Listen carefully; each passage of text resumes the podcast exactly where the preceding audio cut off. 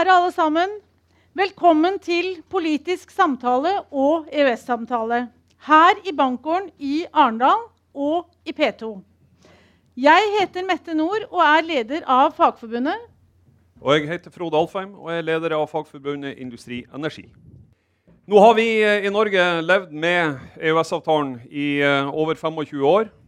Det er skrevet mye bra om uh, måten vi har levd med den. Men det er òg en avtale som skaper mye debatt. Og uh, det gjør den òg internt i fagbevegelsen, der det mange plasser er uro, og det skal vi ta på alvor. For uh, vi, som vi har fått beskrevet i filmen her, så er det mange plasser at vi ser at avtalen blir satt i diskusjon. For at vi ser at arbeidsplassene er mindre trygge, og det er færre arbeidsplasser. Det er uro fra norske kommuner som får beskjed om at de må overlate svømmehallen, parkering på sykehjemmet eller catering fra kommunale kantiner til markedet. Og må det opprettes egne regnskap eller organisasjoner for kommunale barnehager. Det er klart at en så omfattende avtale får betydning for norsk økonomi og norsk forvaltning, både på godt og vondt. I fagbevegelsen så merker vi den uroen hver dag. Og det er særlig to ting som vi er opptatt av i dag. Det ene er det som skjer i arbeidslivet, og det vi kan gjøre med det. Mange bransjer opplever en økt utrygghet, press på lønn og vilkår, og at arbeidskraft leies inn fra kanskje spesielt Øst-Europa eh, på arbeidsplasser der det tidligere var faste og trygge jobber. Det andre er kommunenes rom for selv å bestemme hvordan de vil levere og organisere barnehager, omsorg og andre tjenester til innbyggerne. EØS-avtalen er kanskje den viktigste handelsavtalen som vi har. Men det er ikke meningen, og har aldri vært meningen, at den avtalen skal bestemme hvordan vi organiserer offentlig sektor. Vi skal få høre mer om Hjelmeng-utvalget seinere. Og dette er nettopp et eksempel på at EØS-avtalen blir brukt av høyreregjeringen til å legge til rette for kommersielle aktører på bekostning av lokaldemokratiet og behovene i offentlig sektor og innbyggerne. Vi i Fagforbundet mener det er uhørt at EØS-avtalen blir brukt til å forsøke å gripe inn i det kommunale selvstyret og påføre kommunene unødvendige kostnader. Det vil føre til mindre effektive kommuner og dårligere tjenestetilbud for innbyggerne. Vi er særlig bekymra for at dette vil gå utover de mindre kommunene, som vil slite med den administrative byrden og ikke minst innskrenkningen i fleksibiliteten. Så Fagforbundet vil utfordre regjeringa. De må tydeliggjøre at det er norske myndigheter som bestemmer hvordan kommuner skal organisere sine tjenester. Kommunene våre skal levere gode tjenester til innbyggerne under gode arbeidsvilkår og selv bestemme hvordan dette skal organiseres. Dette er et spørsmål for norske politikere og ikke et EØS-spørsmål. Ja. Da har vi eh, gjort jobben vår og spilt opp. Men nå skal vi overlate resten av seansen til eh, en kyndig mann som heter Terje Svabe. Og da ønsker dere han hjertelig velkommen til en dundrende applaus.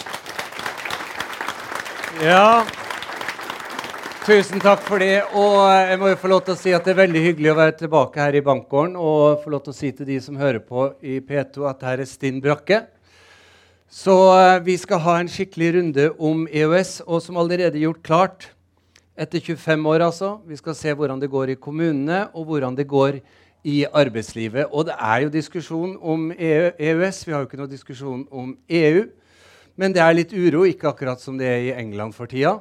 Men så har vi vel heller ingen Boris Johnson her, håper jeg. Men det kan vi kanskje få klarlagt i løpet av sendinga og debatten. Vi skal innom altså arbeidslivet og norske kommuner, om de får gjøre som de selv vil. Line Eldring hun er arbeidslivsforsker med bakgrunn fra Fafo. I dag er hun eh, leder av samfunnspolitisk avdeling i Fellesforbundet. Svein Tore Løkslid han er fylkesordfører i Telemark for Arbeiderpartiet, og vi gir dem en applaus.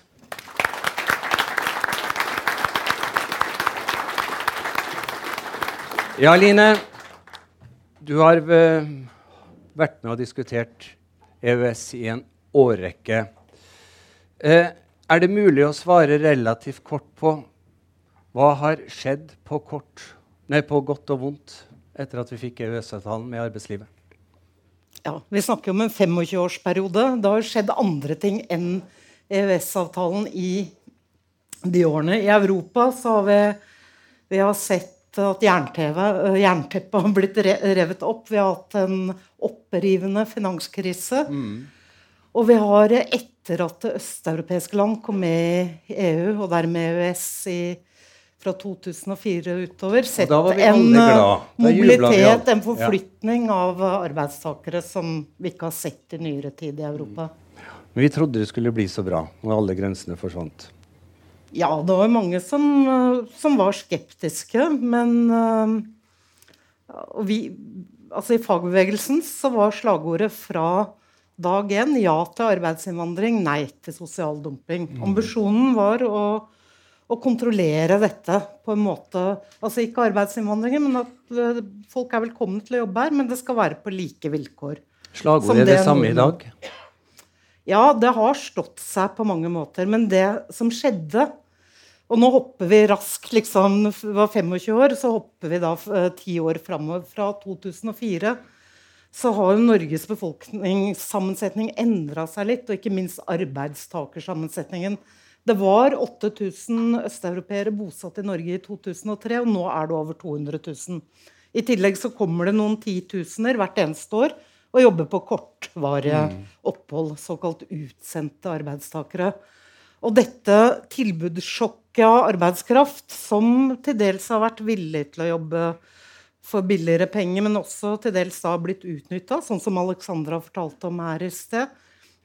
Det har gjort at uh, det vi gjerne kaller sårbare punkter i det norske arbeidsmarkedet, har kommet mm. til syne. Og det handler om at det ikke, var ikke sånn at alle i Norge var dekka av tariffavtale. I privat sektor så er ca. halvparten i utgangspunktet dekket. Mm. Dette er ikke noe som har kommet etter EØS-utvidelsen. men Problemet ble mye tydeligere, og den situasjonen ble mye lettere å utnytte uh, da det kom mange arbeidsinnvandrere. Men når vi ser andre typer konsekvenser, så har det ikke vært uh, altså Det har i liten grad vært for, ren fortrengning av norsk arbeidskraft. I bygg og anlegg, som er den sektoren som har mottatt absolutt flest, så er det i dag uh, underskudd på arbeidskraft. Altså det er en manko på 10 000 pluss av arbeidstakere. Så, så, men det har nok men det vært der, Det der også mm. utfordringen er størst, er ikke det? Jo, og det har nok uh, altså det har jo vært et problem med rekruttering av norske ungdommer til, til uh, bygg fordi bransjen har fått et dårlig rykte. Også altså lønnsutviklinga har kanskje vært noe svakere enn ellers ville vært. Og det har blitt, altså for å si det litt sånn folkelig, en polakkbransje da, for noen. Men det, der ser vi jo heldigvis at det er i ferd med å ha snudd litt, og søkninga er bedre. Og jeg er sikker på at sidemannen kommer til å mm. snakke ganske mye om at uh, her uh, det, har man virkemidler, bl.a. gjennom hvordan det offentlige kjøper inn, og hvordan det offentlige bygger. Line Eldring, et litt sånn stort spørsmål, men jeg er sikker på at du, at du tar det. Hvis du da ser på utfordringene i norsk arbeidsliv i dag med sosial dumping, og andre utfordringer vi står overfor. Hvor, hvor mye av de utfordringene vil du direkte knytte til EØS-avtalen? Ja, der er du midt inne i en veldig stor diskusjon. Mm. Og ikke minst i Fellesforbundet så diskuterer vi EØS-avtalen nesten daglig. og da er det noe med å veie de næringspolitiske hensynene. Nesten alle er enige om at norsk næringsliv har tjent godt på EØS. Mm. Og så har du arbeidslivspolitikken på den andre mm. siden. Og da er spørsmålet hvor mye av dette kan vi ordne opp her, og hvor mye styres fra Brussel. Dette kalles ofte handlingsrommet. Noen ler av det, men det er klart, i utgangspunktet så er det handlingsrommet stort. Brussel har ikke mye de skulle sagt når det gjelder arbeidslivspolitikken. Okay. Men så blir det, og det blir litt for komplisert til å gå inn i detaljene, men på noen punkter så har det blitt der hvor det, det skal være fri flyt. Der hvor våre regler kommer i konflikt med den frie flyten, så har det blitt rettssaker. Sier jeg RKL, så vet alle i Fellesforbundet hva jeg snakker om. Reise, kost og losji. Kan vi regulere det sånn som vi gjør det? å kreve at utenlandske bedrifter skal betale det samme. Det er ett eksempel. Og, og for radiolytterne, da? Kan du si om vi fikk rett, eller om vi ikke fikk rett? Ja, fikk vi i hovedsak rett, men uh, det ble, no, det ble, en viss endring. Men sånn I hovedsak har det stått seg, men det ble en endring, noe som var veldig provoserende for fagbevegelsen. Uh, innleie, løsarbeid, veldig viktige spørsmål i norsk arbeidsliv der var det jo lenge sånn at debatten gikk, egentlig både på høyre- og venstresiden, sånn at dette får vi ikke gjort så mye med, fordi det er regler i EU som sier sånn og sånn. Og der hadde jo høyresida en helt klar interesse av at venstresida pekte på Brussel. Nei, vi kan ikke gjøre noe. Men der har jo handlingsrommet vist seg å være ganske stort. Og nå diskuteres det jo helt konkret om man skal forby bemanningsforetak i byggebransjen i deler av landet. Det var en helt teoretisk og nesten, altså var ikke på bordet for noen få år siden. Så, så, det er helt klart at det, det, kan være Norske aktører kan ha ganske stor interesse, og det kommer sikkert noen av de som følger etter inn på, av å av å begrense dette handlingsrommet da, mm. mer enn det ja. man trenger å gjøre. Hold fast i handlingsrommet, og så skal vi ta med oss uh, Svein Tore Løkslid, som er fylkesordfører altså, i Telemark for Arbeiderpartiet.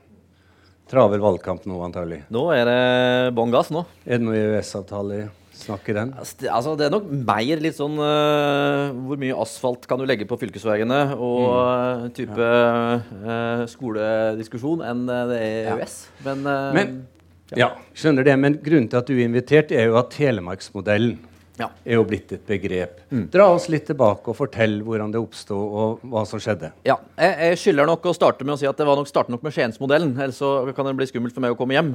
eh, men eh, Skiensmodellen var, det var et byggeprosjekt. Veldig enkelt. Det var en fritidspark som ble bygd.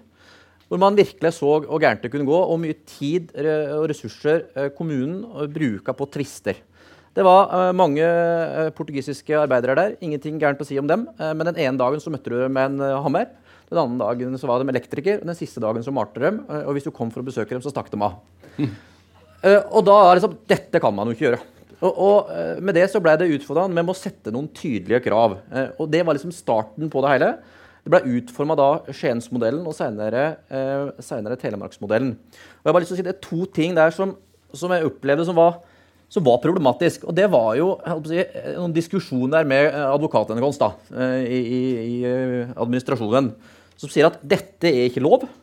Dette strider mot EØS-regelverket, og det, det, er ikke, det, er ikke, mulig Eh, for det her da kommer til å bli anka inn til både ESA og jeg vet ikke hva alle disse folka heter. Det sa advokaten i fylkeskommunen? Ja, ja, det sa jo ja. det, i, i, arbeidet. Altså, ja, man forstår politikken i det her, men realiteten er, kjære eh, lille gutt, dette må du forstå. Mm. Altså, dette går ikke. Og da, og da var liksom svaret tilbake nei, men vet du hva, da tar jeg meg en tur til ESA, så kan jeg ta den rettssaken. Mm. Fordi at når du så konsekvensene på den skolen, eh, eller på den fritidsparken som ble bygd, så måtte det gjøres noe. Det, det er helt feil måte å forvalte pengene på som jeg fikk gjennom den modellen. Eh, og det, ble, det er litt morsomt. I, I, fylkeskommunen så ble det et, eh, et forslag fra eh, SV og uh, Høyre uh, på å starte arbeidet med Telemarksmodellen. Uh, og vi fikk, vi fikk banka den gjennom i 2015. Og vi har altså hatt nå første byggeprosjekt hvor man har kjent på funker modellen. Mm. Altså, Er det her en modell, er det bare et glanseark med, med, med mange krav, eller fungerer den? Mm. og, og og da sier vi at det er klart når entreprenørene konkurrerer på samme vilkår, da er det ikke urettferdig. Men når vi nå har bygd det prosjektet, og jeg må få si jeg er litt stolt av det Skien videregående skole ble bygd etter Telemarksmodellen. Der har vi hatt 26 eh, lærlinger innom. Vi har hatt eh, Tre av dem har fullført sin, eh, sin periode i, og avlagt godkjent svenneprøve i prosjektet. Skolen ble levert på tid 35 millioner under budsjett. Første dagen, si det, første byggedag, det var det avvik. Første byggedag i dag så kom det et innleid selskap som ikke hadde godkjent på elektrisk og adgangskontroll der. Det ble plukka et avvik første dagen, og det ble lukka første dagen for å gå videre. Mm. Så du må ha knallhard oppfølging. Det var så, altså, jeg, men, ja, du skal fortsette, men hva, sier, hva, hva sier advokatene dine i dag? Nei, altså Det er jo litt morsomt. Eh, for, det, altså, for, det, var jo spørsmålet var jo, er jo sånn Når vi da hadde innført den, eh, denne modellen, så var liksom trinn to var at Og dette blir dyrt å følge opp. Altså, og, og, med, og, nå har vi blitt utfordra på pris. husker jeg de sa nå, Prisen skal ned, og du skal bygge så billig som mulig. Og så har du innført en modell som kommer til å koste millioner å følge opp. Uh, og det kom et husker jeg, i prosessen et sånt eh, spørsmål har du ressurser, har du satt av tilstrekkelige ressurser for å følge opp denne uh, fine modellen som, uh, som det har vedtatt. Ja, det, det, må det bare gjøre. Altså, det, er, det, er, satt av penger til det, og dere må følge opp modellen. Og når da liksom resultatet blir som det blir, så er det forholdsvis stille når du går forbi eh, den kontoret i dag, og, og, man er happy og sier at eh, jo, man tok feil. Og, og, hva sa de i, i Brussel i ESA når du begynte med Nei, jeg, jeg, trang ikke ta noen tur til Brussel og ESA, for at fylkestinget vedtok denne modellen, og det gikk glatt gjennom. Og, og det var faktisk enstemmig hos oss denne modellen, for det var utarbeidelsen av modellen. Og det var ikke protester fra ESA? Nei, det kom ikke noen protester fra ESA. men nå vet jeg ikke om de har registrert at man har innført den modellen, da, men uh... Ja, vi får, holdt på å si, får kanskje håpe at de følger med, men, ja. eh, men eh, kanskje ikke. Eh, og så har Skiensmodellen, Telemarksmodellen, blitt til Oslo-modellen. Ja, og det er jo kjempegøy at man liksom konkurrerer om å ha strengest mulig modeller. For jeg, jeg tror veldig det er rette måten å gjøre det på. Vi har politisk mulighet til å bruke det handlingsrommet, som er sagt. Min erfaring, og det, det er kanskje feil å si, jeg opplever ikke at det er EØS som er utfordringen. Jeg opplever at du må stille strenge vilkår eh, politisk i kommuner, i fylkeskommuner. Men du må, og det er viktig å si, du må sette av penger og ressurser til å følge det opp. Det kan ikke bare være den glansa, fine arket som blir vedtatt, hvis du ikke følger opp. Og du må, helt ærlig, du må bruke penger på det. Og, og da kan vi dra inn deg igjen, eh, Line. fordi nå, nå, går vi da, snakker vi om handlingsrommet. Og nå er det vel snakk om å følge opp liksom Skien, Telemark, Oslo nasjonalt? Ja, altså, Det er jo veldig mange kommuner som har innført uh, ulike varianter, ulike modeller.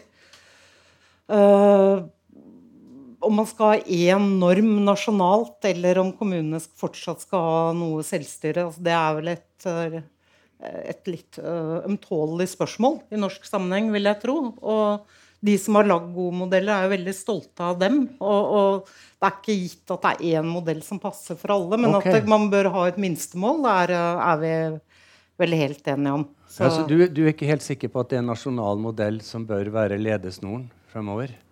Ja, jeg syns absolutt at man skal ha nasjonale, gode, en god, høy standard, men at det kan være eh, altså, det er forskjell på Utsira og Skien, på en måte. Ja da. Sånn, det, det, jeg, jeg, tror nok du har rett i det. Altså, at det kan være visse lokale tilpassinger. Men jeg, jeg syns man burde hatt en sånn modell òg nasjonalt.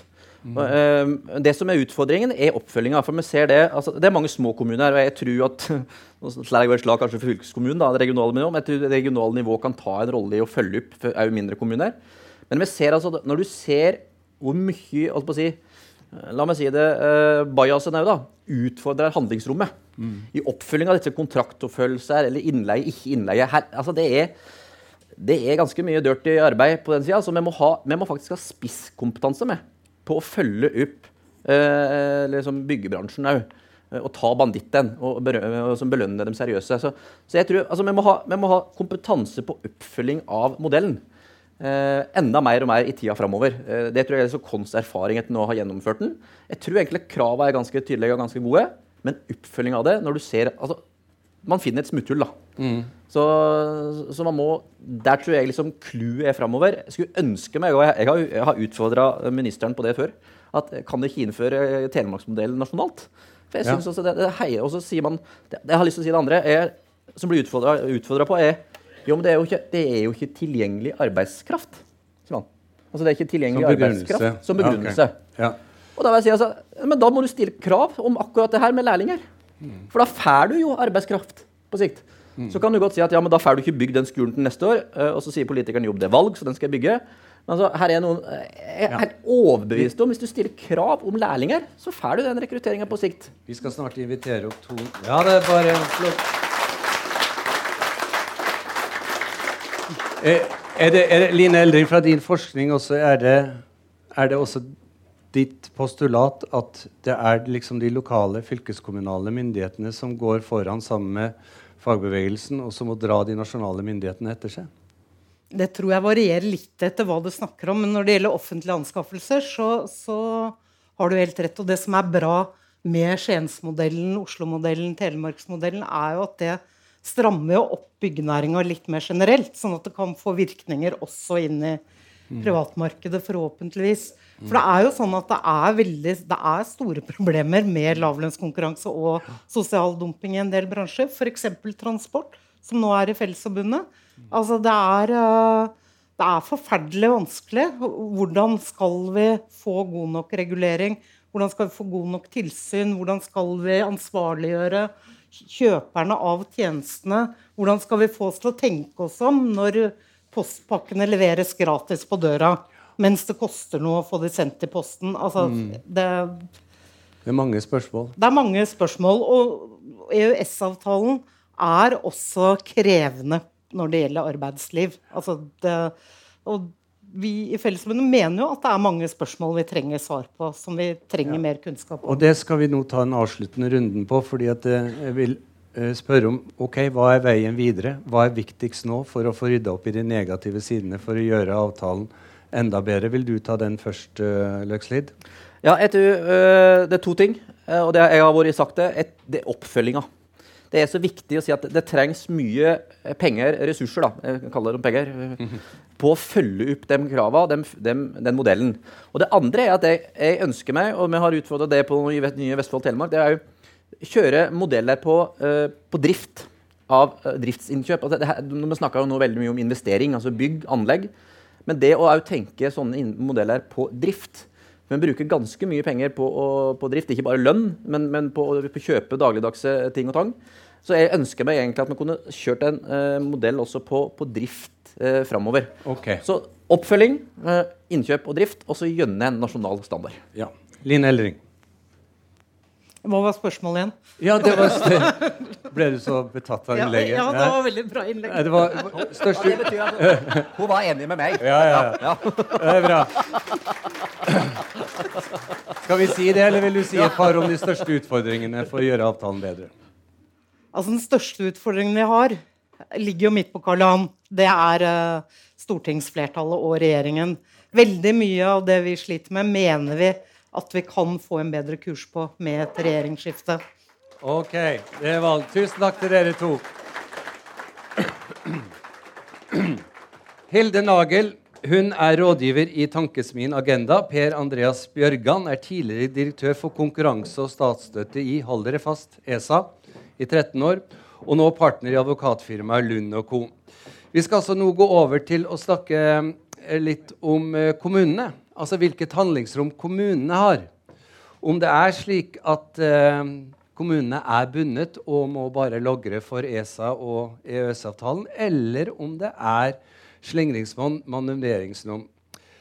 Eh, begynner med deg, Hilde Nagel. Har EØS-avtalen betydning for hvordan kommuner i Norge organiserer seg og kjøper tjenester til sine innbyggere? Hvor stor rolle spiller EØS-avtalen? Vær så god.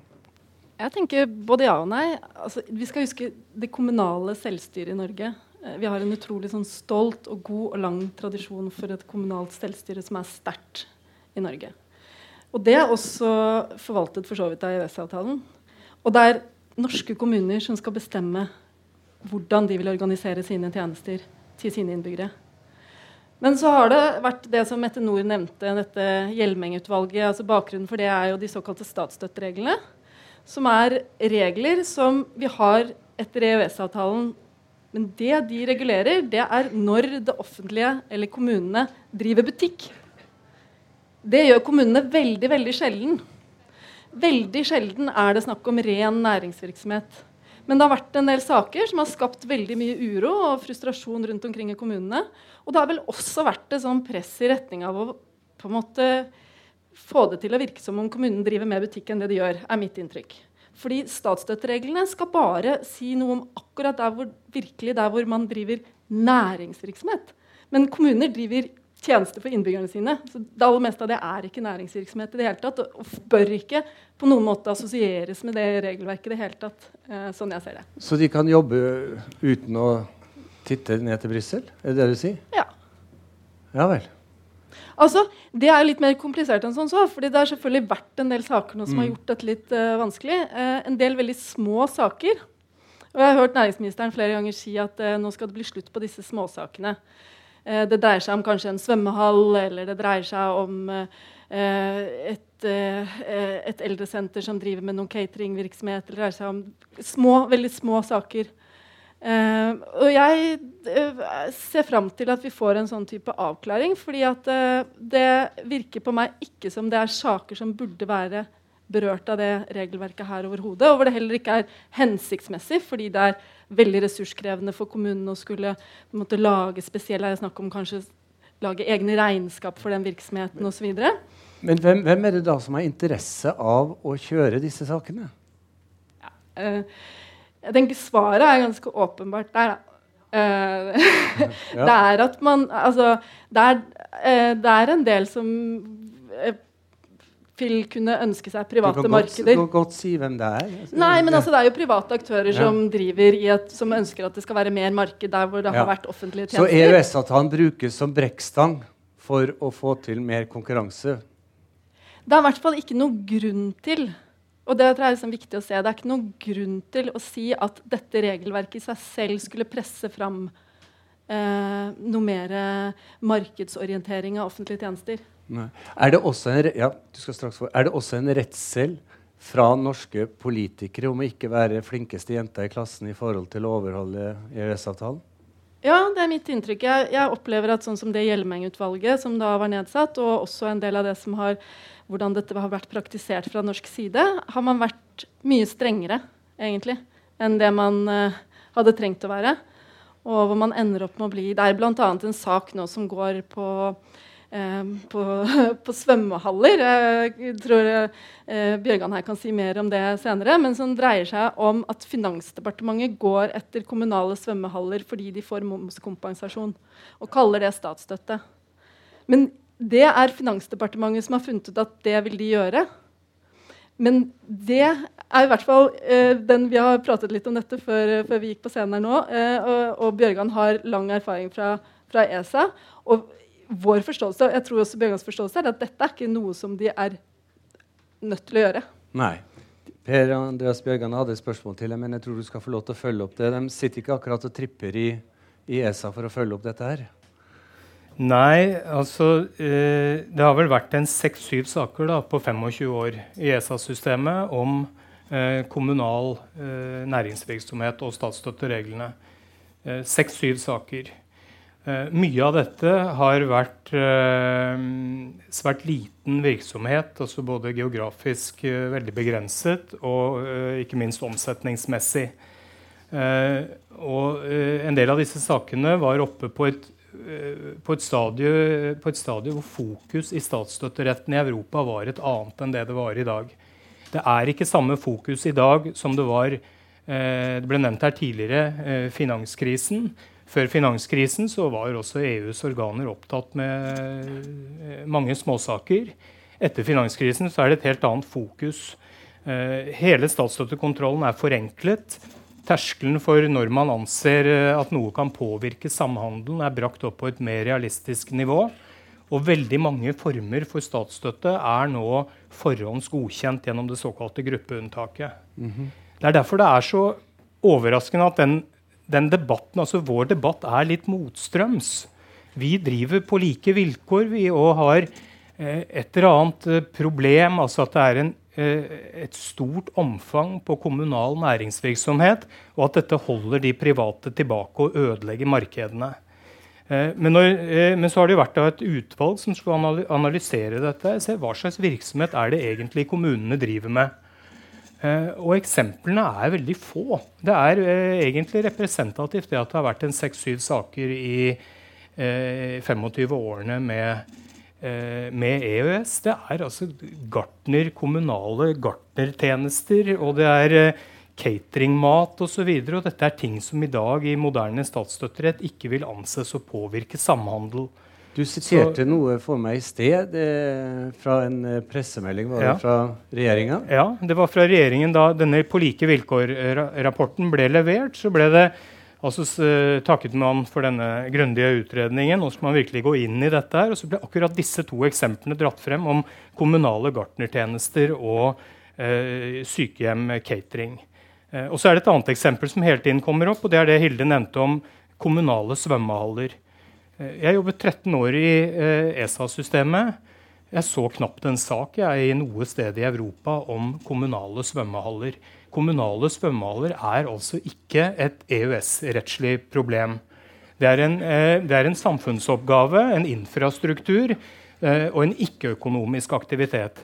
Men vi driver med dette, og vi har da i tillegg eh, påført oss selv strengere regler gjennom disse reglene om momskompensasjon. Som sier at da skal vi nekte momskompensasjon for tiltak som du ellers kan gi altså etter EØS-reglene eh, hundrevis av millioner kroner i lovlig statsstøtte. Så hvorfor vi driver med dette her, det, det har jeg ofte lurt på og ikke funnet noe godt svar på. Nei. Og jeg blir totalt forvirra. Hvem er det som driver og sprer denne Nei, altså Dette er med momskompensasjon. for å ta det. Dette var jo også oppe med kommunale kulturhus for noen år siden. Eh, og Finansdepartementet nektet jo da eh, flere kommuner momskompensasjon på nesten en milliard kroner for kulturhus som var allerede bygget. Masse spetakkel frem og tilbake, ny vurdering. Og da, bare dager før dette her skulle da ta stilling til av regjeringen på nytt, da kommer EU-kommisjonen med sin veileder om statsstøttebegrepet og skriver der en side om at uh, de fleste kulturaktiviteter, altså offentlig finansiering av kultur, er i hovedsak ikke-økonomisk aktivitet. Okay. Selv om du tar billetter i døra, så er det ikke å gi statsstøtte i, sta i EØS-avtalens forstand å støtte kulturhus, konserthall, opera osv. Det er, eh, det er eh, velferdstiltak for befolkningen som faller utenfor. Okay. På samme måte som skole, utdanning, helse- og sosialtjenester basert på solidaritet. Alt dette her, det er utenfor EØS-avtalen. Hilde, du har stått og nikka mye. Betyr det at du deler Ja, jeg, jeg tenkte bare å, å, føye til nettopp det at uh, det aller meste av det vi oppfatter som det kommunen driver med, det er ikke det, det, det har ikke noe med statsstøtte å gjøre i det hele tatt. Så det blir veldig rart, uh, hele debatten, uh, føler jeg, når det blir så mye diskusjon av hvordan du skal regulere dette, når det egentlig er vanskelig som, eh, som Jørgen sier, å finne gode eksempler på at, dette, at kommunen driver med dette i det hele tatt. Men Bruker kommunen da ressursene sine feil? Altså Det som tror jeg skjer, uten at jeg har liksom gått kjempedypt inn i empirien, men det mitt inntrykk er, er at Kommunene bruker masse ressurser, dels fordi at regelverket er komplisert, og dels fordi at en del jurister og andre kanskje kunne synes det var veldig greit å ha kurs eller, eller veilede kommunen for å få dem til å skjønne noe de egentlig ikke trenger å skjønne. Så mitt råd ut til kommunene vil være at dette trenger dere faktisk ikke å bry dere så mye om. Hm. Nei, den EØS-avtalen har ført til mye rart. Ja, Bjørgan, du ba om ordet.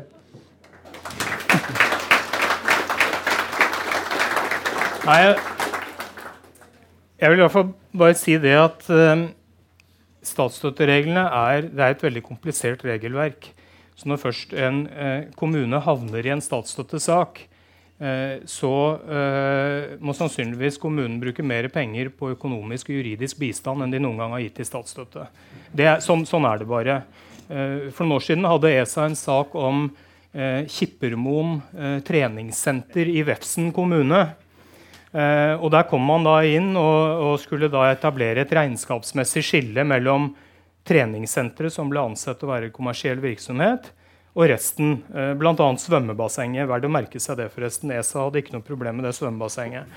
Eh, men da skal du da altså fordele de faste utgiftene på en riktig regnskapsmessig måte mellom disse aktivitetene.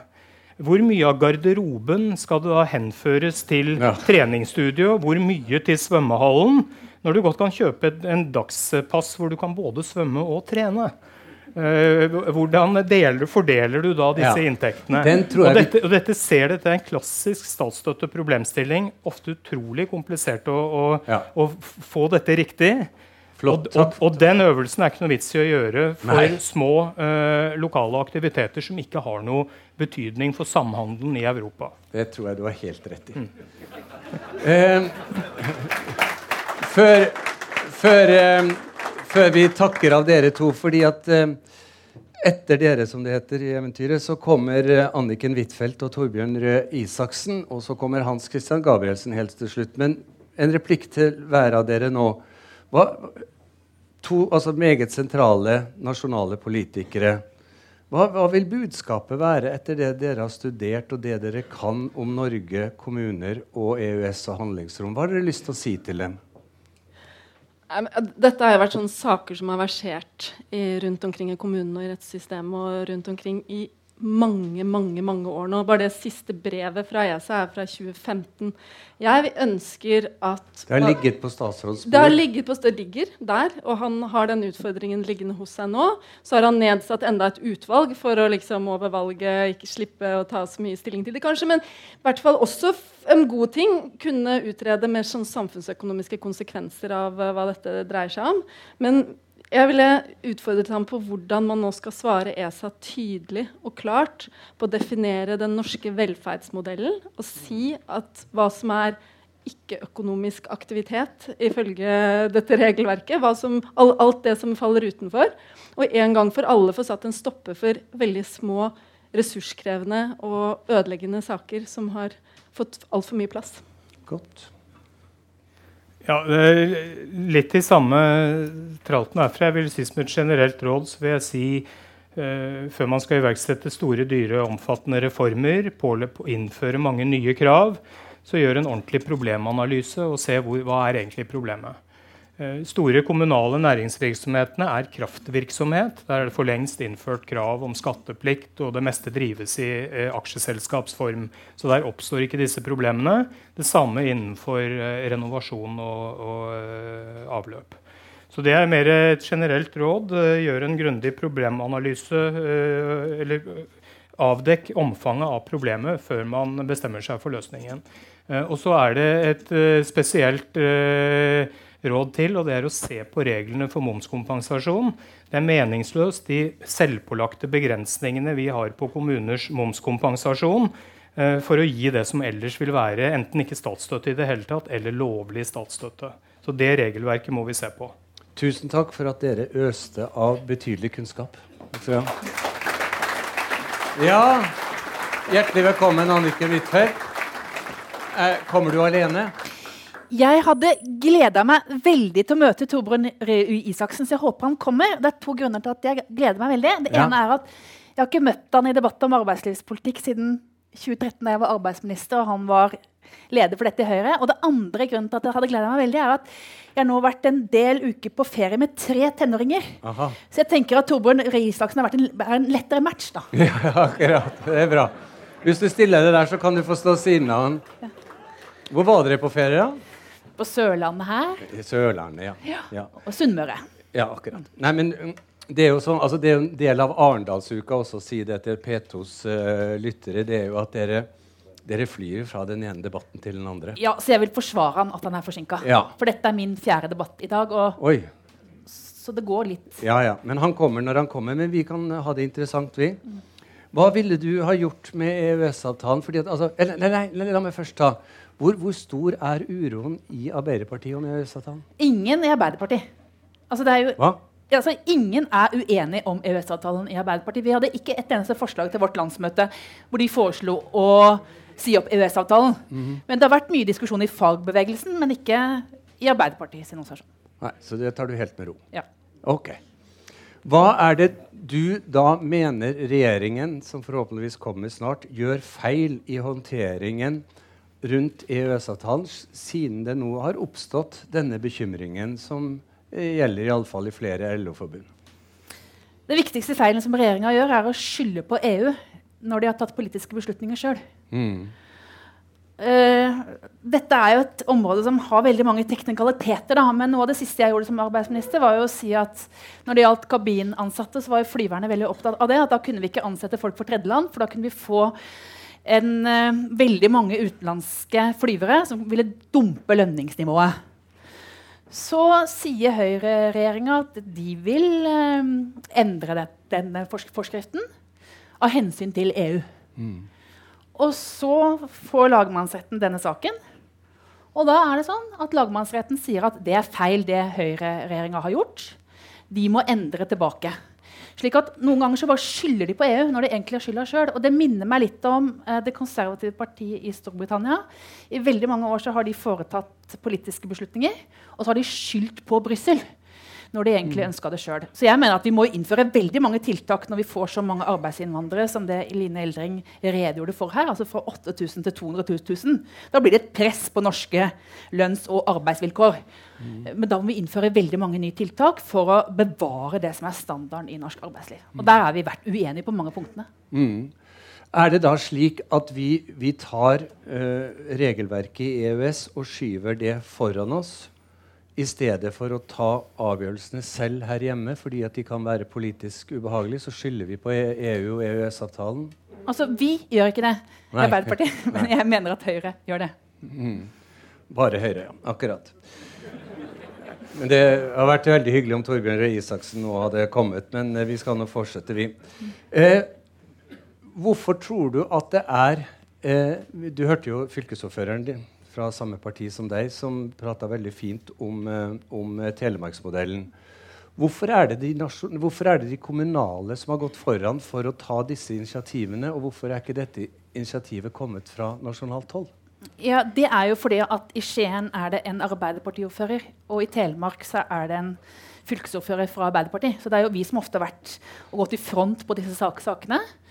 Eh, og når eh, denne regjeringa ikke har fulgt opp alt det vi har gjort når det gjelder handlingsplaner mot sosial dumping, mm. så skyldes det at de har vært politisk uenige. Så jeg mener at det handler om forskjell på politikk. Og Derfor syns jeg veldig mange ganger at EØS-motstanderne gjør det veldig lett for høyresida. For de gir EØS-avtalen skylda når det egentlig er forskjellen på Høyre- og Arbeiderparti-styrte kommuner. Mm. Så det er rett og slett altså intern norsk politikk hvor EØS brukes som et virkemiddel, som et verktøy. Som et vikarierende argument. Vikarierende. Fordi at det er jo klart at det området hvor det kanskje er størst forskjell på Høyre og Arbeiderpartiet, er i arbeidslivspolitikken. Enten mm. det handler om midlertidige ansettelser, når det handler om regler om innleie, når det handler om privatisering, så er det her skillelinjene går mellom oss og dem. Mm. Men det du da sier, og du, du, levner jo faktisk ingen tvil du sier altså at kampen da mot sosial dumping, som er meget vesentlig, og som er et stort felt, det kan drives like godt innenfor EØS-medlemskapet som utenfor. Hvis vi ikke hadde vært medlem av EØS. EØS er ikke noe til hinder for arbeidet mot sosial dumping. Det er det du sier. Det er større press på arbeidsmarkedet når du går fra 8000 til 200 000 arbeidstakere fra Øst-Europa. Det er jo klart mm. at det fører til et press. Ja. Men da må du stadig innføre nye typer virkemidler. Og det vi ser er at uh, En del firmaer er veldig kyniske i å finne smutthull hele veien. Så vi innfører noen krav. Og så forsøker de å komme unna de nye kravene gjennom å finne nye måter mm. å dumpe lønns- og arbeidsforhold på. Og Et eksempel er jo veldig sånn teknisk ting da, som heter kollektiv søksmålsrett, som handler om at fagforeninga kan gå til sak selv om du ikke har en arbeidstaker som føler seg utnytta. Men det var jo en mulighet som da denne høyreregjeringa fjerna. Så du må hele tiden finne nye virkemidler. Eller f.eks. gi muligheten til å ilegge bot når, når det gjelder brudd på eh, mm. lønnsbestemmelser. Men forstår du da likevel Anniken, at, at, det i Europa er sterke krefter også innen fagbevegelsen, og ikke minst i England, men der er det et annet parti som, eh, som styrer, som nå tar til orde for at det må også komme begrensninger og bedre kontroll over arbeidsinnvandringa. Og det er vel umulig å få til så lenge vi har EØS-avtalen? Ja, altså når vi har et større arbeidsmarked, som vil innføre flere reguleringer i arbeidslivet. Og det er dette som har skjedd i Storbritannia. at Parallelt med at de har fått veldig mange flere arbeidsinnvandrere, så har de avvikla nesten alt som heter nasjonal politikk mm. og kollektive lønnsavtaler. Og da er jo arbeidstakerne i Storbritannia veldig, veldig sårbare. Så jeg mener at mer kontroll og flere regler, mer reguleringer, er mye viktigere i et stort arbeidsmarked som EU nå er. Ja, Men er det mulig innenfor dagens EØS-avtale, eller må vi da reforhandle sider ved EØS-avtalen for å få det til når det gjelder arbeidsinnvandring? Altså hvis, hvis, vi skal reforhandle sider av EØS-avtalen nå når det gjelder arbeidsinnvandring, så kommer ikke vi bedre ut av det. Husk at den gangen vi forhandla EØS-avtalen, så var det tolv land i EU og seks land i EFTA. Nå er det 27 land i EU og tre land på vår side. Mm. Og det er veldig mange flere fra Øst-Europa. Så vi har jo mye mindre forhandlingsmulighet nå. Men vi må innføre flere typer regler for å hindre utnytting. Mm. Nå eh, vi hører at statsråden er underveis, så vi får et par spørsmål til han også før Hans Christian Gabrielsen skal uh, på ordet. Men kan, hvorfor er det generelt sett så lite debatt om EØS og EU i Norge? Det er fordi at veldig mye av det som handler om arbeidslivet nå, som også har vært diskutert her, det er ganske teknisk. Mm. Eh, så da blir det litt vanskelig tilgjengelig diskusjon. Og alt som handler om fagforeningenes makt da, og måten man skal få innsyn og allmenngjøring, blir veldig teknisk. Og da er det bedre å liksom melde seg ut og si ja og nei. ikke sant? Da blir debatten veldig forenkla. Så ser vi at det er en økt polarisering i hele Europa, hvor ytterste høyre ytterste venstre går mot veldig mye av det som er internasjonale avtaler. Og jeg mener at Når vi ser da den økende konfliktnivået mellom Kina og USA, vi ser økte konflikter i verden, så det å holde fast på regelverket for hvordan vi skal handle og forholde oss til hverandre, det er enda viktigere nå enn før. Jeg har savna Ja. deg, Torbjørn. Velkommen. Takk. Ja, takk til næring, Velkommen til næringsministeren. Vi skjønner at du travler da. Vi, vi, vi Det var en konkurrerende fagforening som Jeg har forsvart Gikk litt over tiden. Ja. Den var fra LO-familien, eller? Nei, Nei. da hadde den ikke vært konkurrerende. Nei, ikke sant. OK, der hadde du i grunnen et poeng. Ta utfordringen din om eh, ikke, ikke ferien, men du hadde lyst til å diskutere arbeidslivsspørsmål og konkret hva du ville ha gjort annerledes hvis du hadde sittet i hans stol nå. Når det gjelder. Altså, jeg mener at dere på mange områder dere skylder på EU når dere vil innføre politikk sjøl. F.eks. når det gjelder kommunale tjenester. Eh, F.eks. når det gjelder innleie av arbeidskraft og bedre reguleringer av det. F.eks. når dere går mot eh, at eh, Går for at man kan ansette flyvere på utenlandske arbeidsforhold. Så jeg mener at dere bruker EØS-avtalen som et vikarierende argument når det egentlig er tradisjonell forskjell mellom Høyre Arbeiderpartiet og arbeidslivspolitikken. Uh, vet du hva jeg tror? Eh, jeg tror at eh, Punkt én så tror jeg alle som eh, var tilhengere av østutvidelsen i veldig mange av de etablerte partiene i Europa, inkludert våre to partier, inklu undervurderte hvor store endringer det potensielt kunne ha for arbeidsmarkedet. Det er punkt én. Punkt to så tror jeg alle norske politikere til tider har vært litt for, vært litt for altså, at vi, Det har vært litt for enkelt å si at jo, men dette er EØS-relevant, og dermed så må det være sånn. Punkt tre så tror jeg at vi skal være mye flinkere til å vise fram hvordan vi faktisk bruker det handlingsrommet vi har i EØS-avtalen, og gjør det hele tiden. Så bare la meg ta Næringsdepartementet. Vi har eh, bare akkurat nå har vi en sak hvor vi eh, benytter handlingsrommet. Altså, hva betyr det? Det betyr at vi notifiserer ESA, så har vi lange prosesser. Vi har en om elavgiften elfored- altså, eh, for treforedlingsindustrien.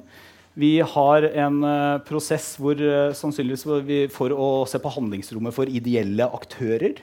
Eh, vi har en prosess hvor vi har lyst til å ha en annen formuesskattesats for hotelleiere, for at de har blitt urimelig hardt rammet, særlig distriktene, av, eh, av at eiendom har blitt høyere verdsatt, noe som isolert sett er fornuftig. Bare tre eksempler Ja. eh, hos oss. Bør du også gjøre det klart for ESA og da innenfor EØS-avtalen betydningen av og rammene og innholdet i den norske velferdsmodellen, og at den kan leve veldig godt uten å forstyrre i hele tatt? Ja, altså, eh, for å si en ting først som er greit også for eh, Her er det jo mange som hører på her, men også en del som hører på hjemme.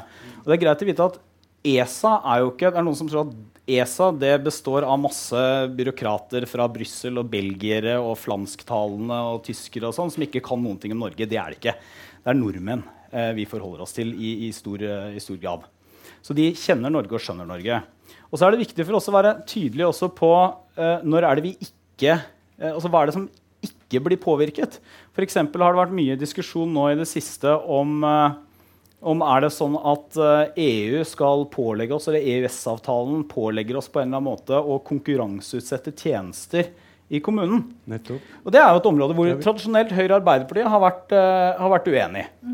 Uh, Og der kan dere si kl langt klarere ja, fra. Men, ja, og der kan vi si klarere fra, men også utad, og si at det er irrelevant for EØS-avtalen. Nettopp. Altså Hvis uh, Oslo kommune eller Porsgrunn kommune, hvor jeg kommer fra, har lyst til å drive sin uh, vaktmestertjeneste i offentlig regi, eller sin uh, renovasjonsetat i offentlig regi, har de full mulighet til det. Ja. Det eneste EØS-avtalen berører, det måtte være områder hvor du går ut og konkurrerer på et helt privat marked. Det er også viktig, for det er noen som forsøker å si at jo, men er ikke f.eks. skolefritidsordningen da, kan ikke det også være en del av liksom, et marked og burde skilles ut? og sånn? Nei, det, det mener vi det ikke er. Eksempel. Så vi må også være klarere, alle vi som mener at EØS-avtalen er helt avgjørende for norsk industri, norsk eksportretta næring over hele landet, mm. på at vi bruker handlingsrommet. Og noen ganger tar vi også fighter med EU, og så må vi vurdere vi er jo skeptiske til å liksom ta fighten gjennom å uh, bruke den såkalte reservasjonsadgangen, men det er hele tiden dragkamper, og vi bruker handlingsrommet. Jeg tror at dette kunne ha blitt en enda mer interessant dialog enn det lille vi fikk tid til, men uh, sånn er det under Arendalsuka. Takk for at du løp opp, og takk til Anniken Huitfeldt. Beklager at jeg var sein. Hans Christian Gabrielsen